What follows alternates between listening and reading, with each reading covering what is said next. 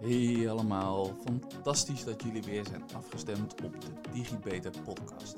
De podcast waarin we jullie digitale spierkracht maximaal gaan oprekken.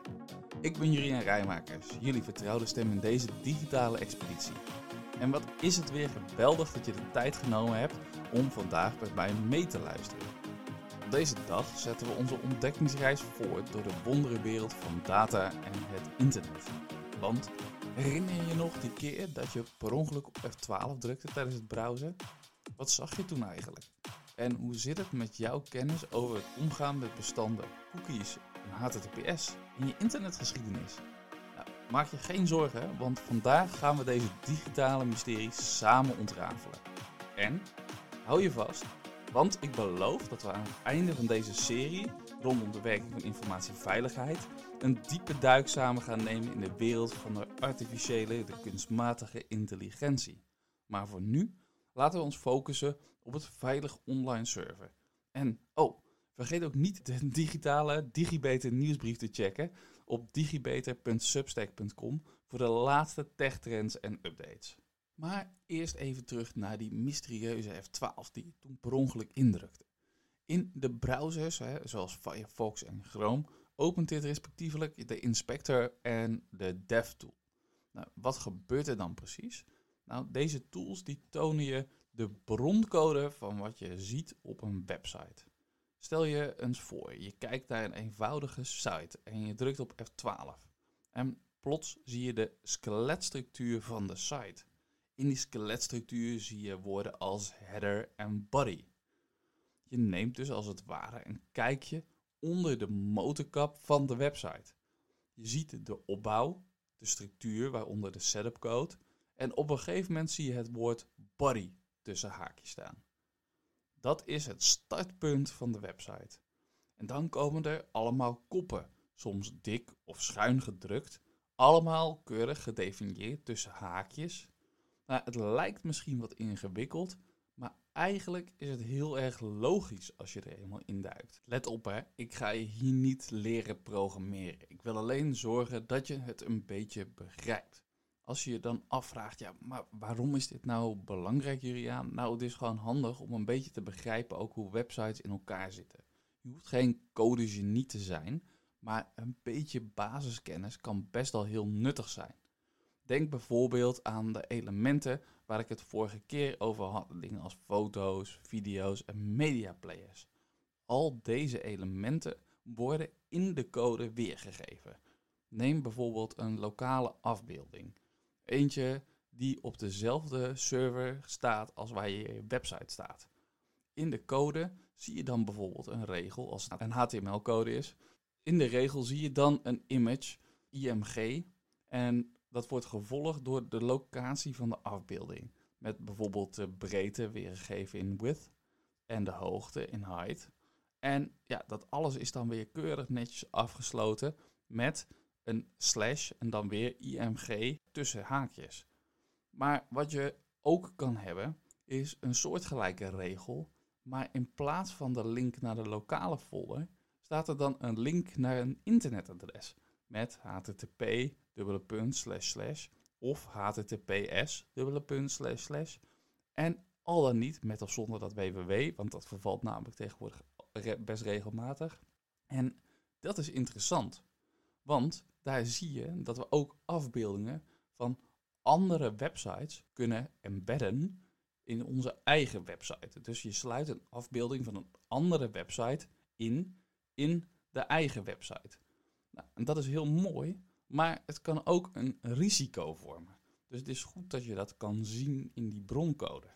Want daar waar het voor jou aan de voorkant als één geheel lijkt, zie je dus dat het in de code en de informatie, zoals met de afbeelding, dat het overal vandaan kan komen. Overigens is dit, als je het zelf wil doen, niet altijd legaal. Hè? Want er zit copyright op zo'n afbeelding. Je moet dus wel even goed letten op het auteursrecht van een afbeelding als je dit zelf wil doen. Dit is relevant voor je om te weten om veilig op het internet te kunnen surfen. Het is niet alleen omdat je hier dus van kan zien dat er dingen van een andere website zijn die je zo kan binnenhalen die je niet verwacht.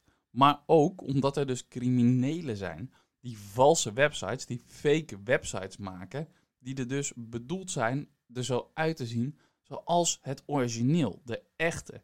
Bijvoorbeeld de website van de overheid, van je bank of van een andere instantie die je vertrouwt. En door elementen te gebruiken van die originele website, scheelt ze niet alleen heel veel tijd in het namaken, maar het scheelt ook vooral dat het precies lijkt op het echte. Het lijkt een stuk vertrouwder, het kan veel echter voelen, het kan veel echter lijken, omdat ja, het is gewoon het echte. Of althans, elementen van het echte. Een ander gevaar is HTML. Het is super eenvoudig op zo'n website om een linkje te plaatsen dat er compleet anders uitziet dan waar je naartoe gaat. Bijvoorbeeld, uh, je ziet een link staan van, um, nou even denken, uh, uh, oké, weet je, een linkje staan van thuisbezorg.nl. Maar als je erop klikt, dan ga je direct naar de Tikkie website om een betaling te doen. Nou, nu zijn thuisbezorgd en Tikkie in principe geen criminele website. Hè, wat ja, normaal gesproken, als ze niet nagemaakt zijn, dan is het gewoon een goed functionerend organisatie die uh, zijn ding doet. Maar wat ik je probeer in te laten zien, is dat het heel eenvoudig is om op zo'n website iets anders te tonen, om je vervolgens door te kunnen linken naar een frauduleuze website. Het goede nieuws is dat je een website, vaak op het moment dat je er met je muis overheen gaat op zo'n website, dat je ziet waar je naar gaat. Dus als je er overheen hoevert, zo heet dat, dan kun je zien wat er onder het linkje zit. En daarbij kun je dus doorgaan zien waar je werkelijk heen gaat. Nou, stel je eens voor, je wilt naar een website en die website staat op een webserver ergens. Een webpagina moet je eigenlijk gewoon zien als een digitaal document dat ergens op een remote, hè, op afstand, een digitaal systeem staat, ergens op deze wereld. Jouw digitale systeem krijgt toegang tot die webpagina, dat digitale document via het internet. Nu herinner je je hopelijk nog dat het communiceren niet zomaar kan. En dat het alleen maar kan door gebruik te maken van specifieke communicatieregels. Die regels heten een protocol. De browser die je gebruikt en de webserver die gebruiken het protocol genaamd HTTP. Dus het HTTP-protocol, oftewel de Hypertext Transfer Protocol. Tegenwoordig staat er eigenlijk alleen nog maar een S'je achter. En dat staat achter dat HTTP, HTTPS hè, voor secure. Ik moet het gewoon niet, niet, niet los zeggen, dan uh, komt het helemaal goed. Het Hypertext Transfer Protocol hè, stuurt de code heen en weer als clear text, oftewel onversleutelde, inzichtelijke tekst. Nou, dat was natuurlijk super eenvoudig te lezen. En hiervoor kwam het Hypertext Transfer Protocol Secure, HTTPS, in de plaats.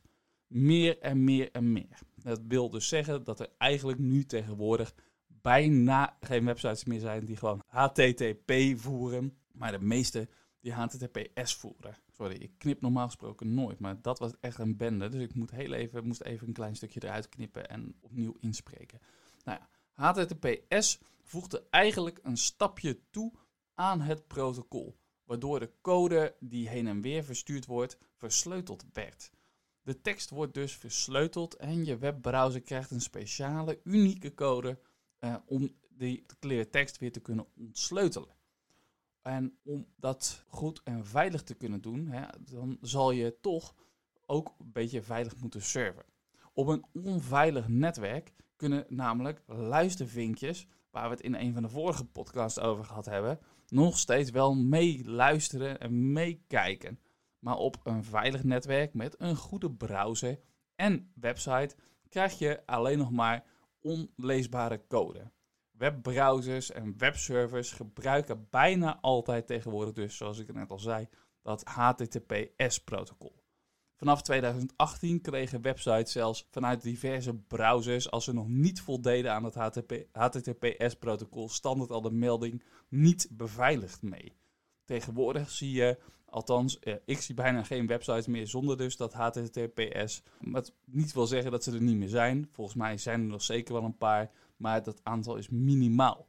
Zo minimaal dat sommige browsers nu langzaam ook lijken te overwegen dat hele stuk HTTPS, dubbele punt, slash slash, helemaal niet meer te tonen. En enkel de websites waar HTTP nog wel er is, dat ze dan die HTTP tonen met een melding onveilig erbij. Als je browser dan via dat communicatieprotocol een verzoek stuurt om een bepaalde website op te halen, dus nogmaals, het is een digitaal document dat je dus ophaalt, krijg je in de meeste gevallen keurig van de webserver dat digitale document waarom je gevraagd hebt aangeleverd. De webpagina zelf is vaak gecodeerd in een taal die HTML heet. Maar bijvoorbeeld ook, eh, het kan ook gedaan worden in andere talen zoals CSS. Strikt gezien is het eigenlijk niet echt een programmeertaal. Maar goed, HTML is uh, Hypertext Markup Language.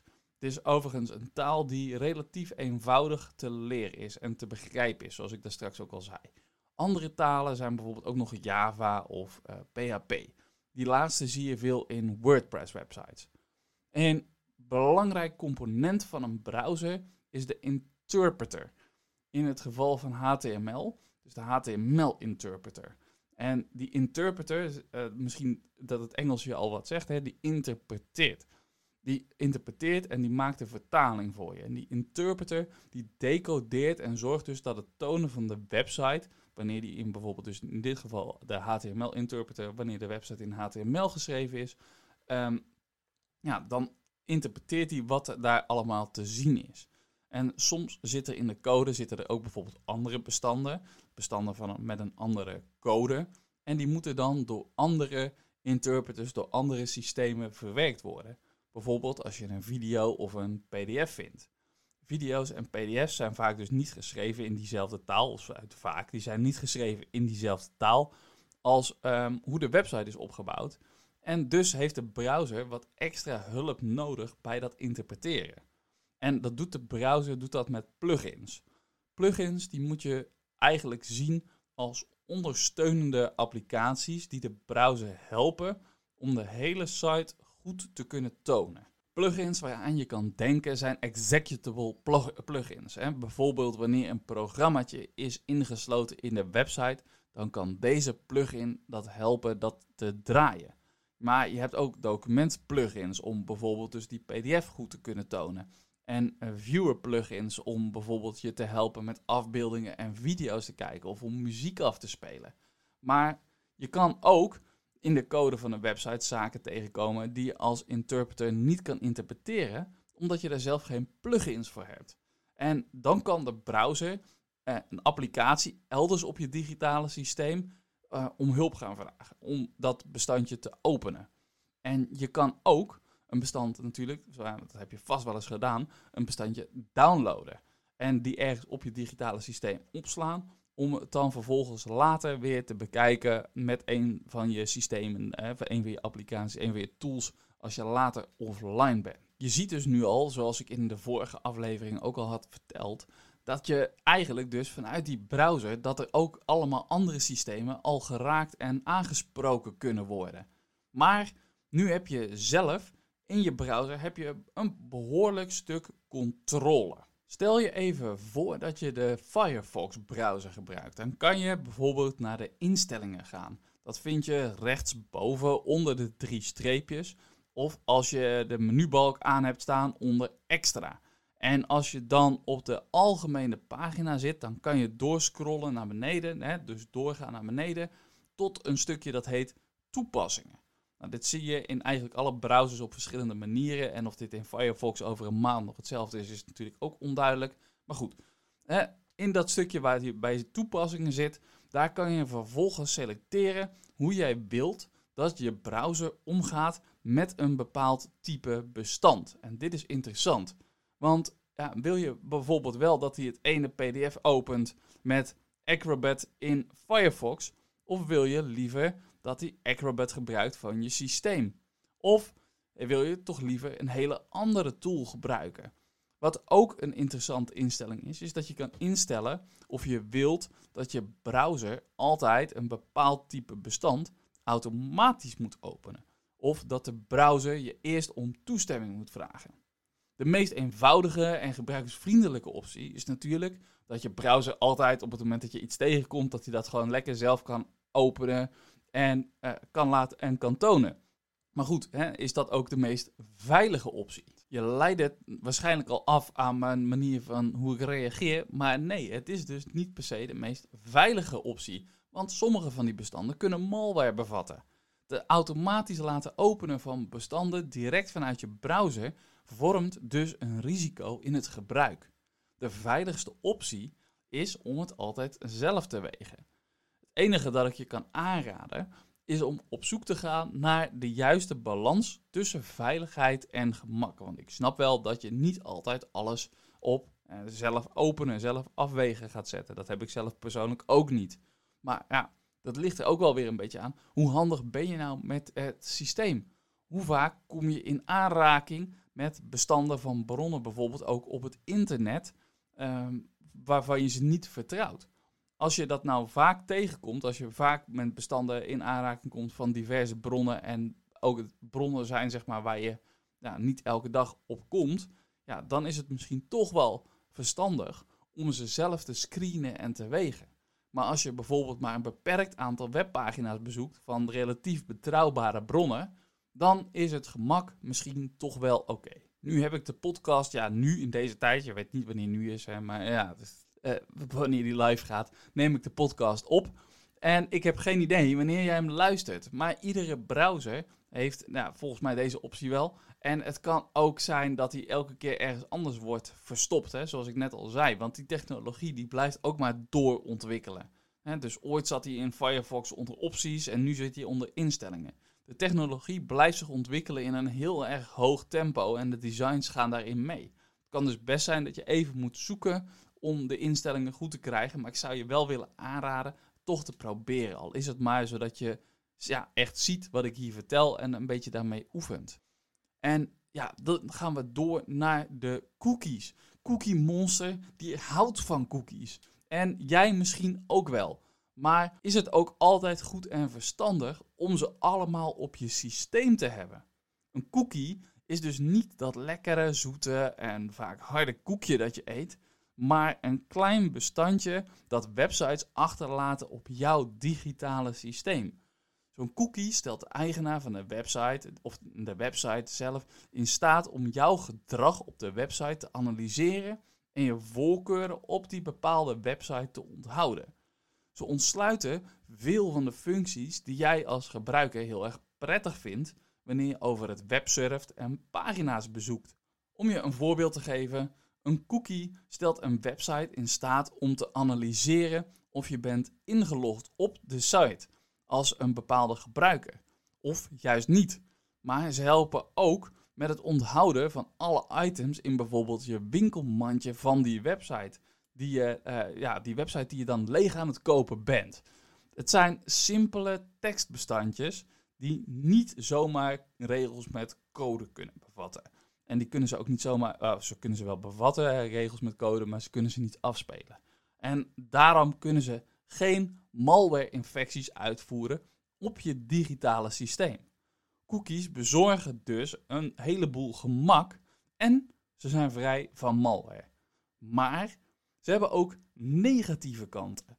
Zoals het cookie, hè, dat ook wel de tracking cookie heet, die het mogelijk maakt om jouw gedrag over het hele internet te volgen en dan vervolgens weer te delen met adverteerders. Je zou ze daarom ook wel goed kunnen zien als iets dat inbreuk maakt op jouw privacy.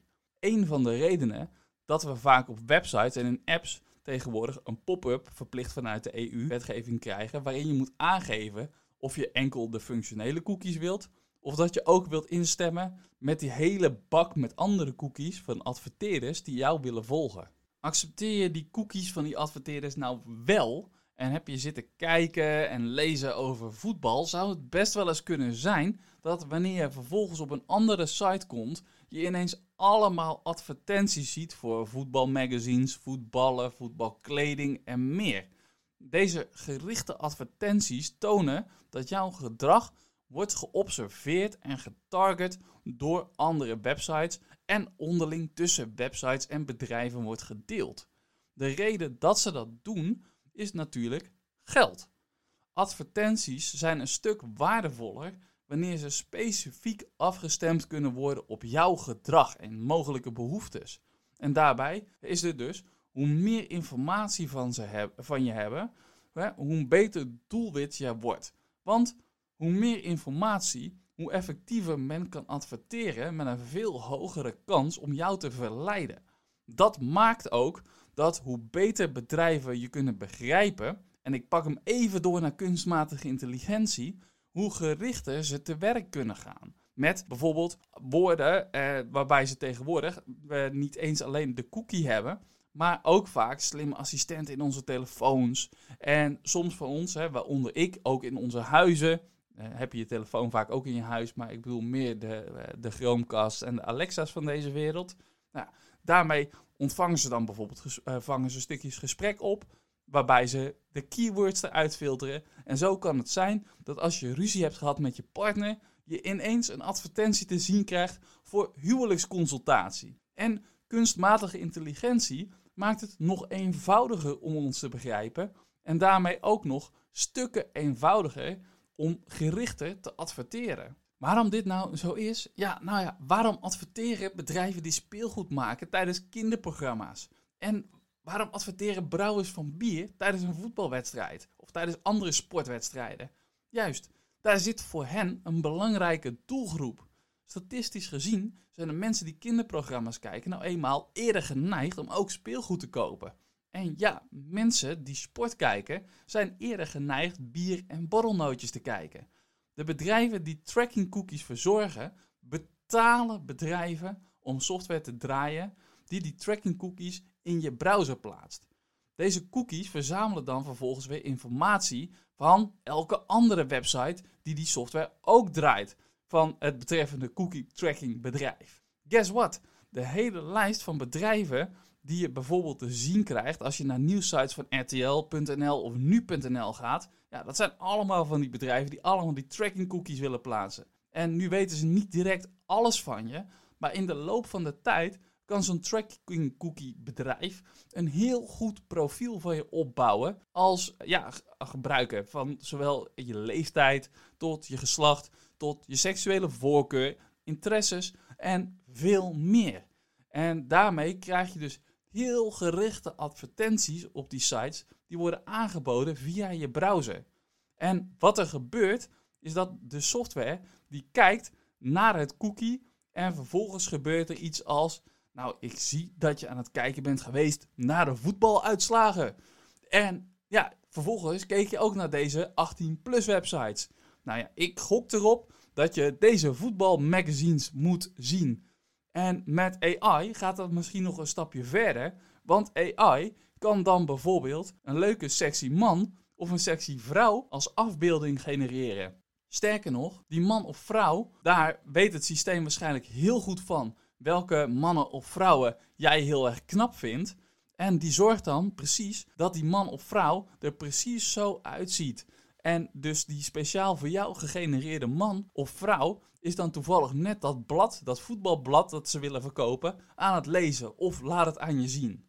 Of nog even terugpakken naar het voorbeeld van die huwelijksconsultatie. Veel AI is getraind met openbare informatie van het internet en kan ook, heeft ook toegang tot het internet. Wat nu als je een advertentie krijgt voor huwelijksconsultatie, waarvoor AI eventjes online zoekt naar openbare afbeeldingen van jou en je partner. En dan je vervolgens een heel gerichte advertentie krijgt waarin jij en je partner in die huwelijksconsultatie zitten. In dit tijdperk van generatieve AI is dat geen onrealistisch scenario meer. Nou ja, en dan hebben we nog een ander probleem met cookies. En dat is namelijk dat je ingelogd kan blijven daarmee in je browser. Als je dat op die voetbalwedstrijden website hebt gezeten, ja, dan is dat waarschijnlijk niet heel erg afhankelijk van welke gegevens je allemaal op die site achterlaat. Maar als je dan nu bijvoorbeeld ehm, je online drive met al je speciale bestanden, als je dat daarmee hebt, ja, dan kan dat wel weer een probleem zijn als er iemand bijvoorbeeld op je digitale systeem kan omdat je in een publieke ruimte zit en niet goed hebt uitgelogd. Of uh, wat meer waarschijnlijk is, als je thuis bent en je digitale systeem gewoon lekker open staat tijdens bijvoorbeeld een feestje. Of je vriend of je vriendin, je man, je vrouw toegang heeft tot het digitale systeem of iets dergelijks. Wat je daaruit kan halen, is dat, hoewel de cookies dus erg handig voor je kunnen zijn, het ook erg handig kan zijn voor mensen die door je computer heen snuffelen op dat feestje, maar ook als ze toegang hebben weten te krijgen op afstand. Als je nu een computer, een digitaal systeem in een openbare ruimte, zoals een bibliotheek of iets dergelijks gebruikt, check dan ook even dat dat digitale systeem zo is ingesteld dat het die cookies niet onthoudt. En dan is er nog een risico met cookies. En dat is namelijk wanneer je dat gebruikt en je op een draadloos onveilig netwerk zit en anderen op de lijn kunnen zitten en die informatie van je willen hebben. Ja, ik had het er al eens eerder over in een podcast. Deze luistervinkjes op de lijn in sommige gevallen ook die cookies kunnen gebruiken en daaruit je gebruikersnaam en wachtwoord kunnen afleiden. En want die, die cookies kunnen ze dan onderscheppen. Dus als het een cookie met een authenticatiecode is die gebruikt wordt om in te loggen, dan kan zo'n luistervinkje op die eh, website ja, dat cookie opslaan en die informatie is vervolgens eh, daarmee in staat om in te loggen op jouw account. Nou, dat is niet altijd het geval, want we loggen natuurlijk lang niet allemaal in met alleen een gebruikersnaam en een wachtwoord. En we doen het vaak met twee-stapsverificatie natuurlijk. En ja, we gebruiken natuurlijk ook de HTTPS-websites. Maar sure, even voor de zekerheid. Nou, we zijn niet altijd allemaal zo druk aan het denken over onze veiligheid.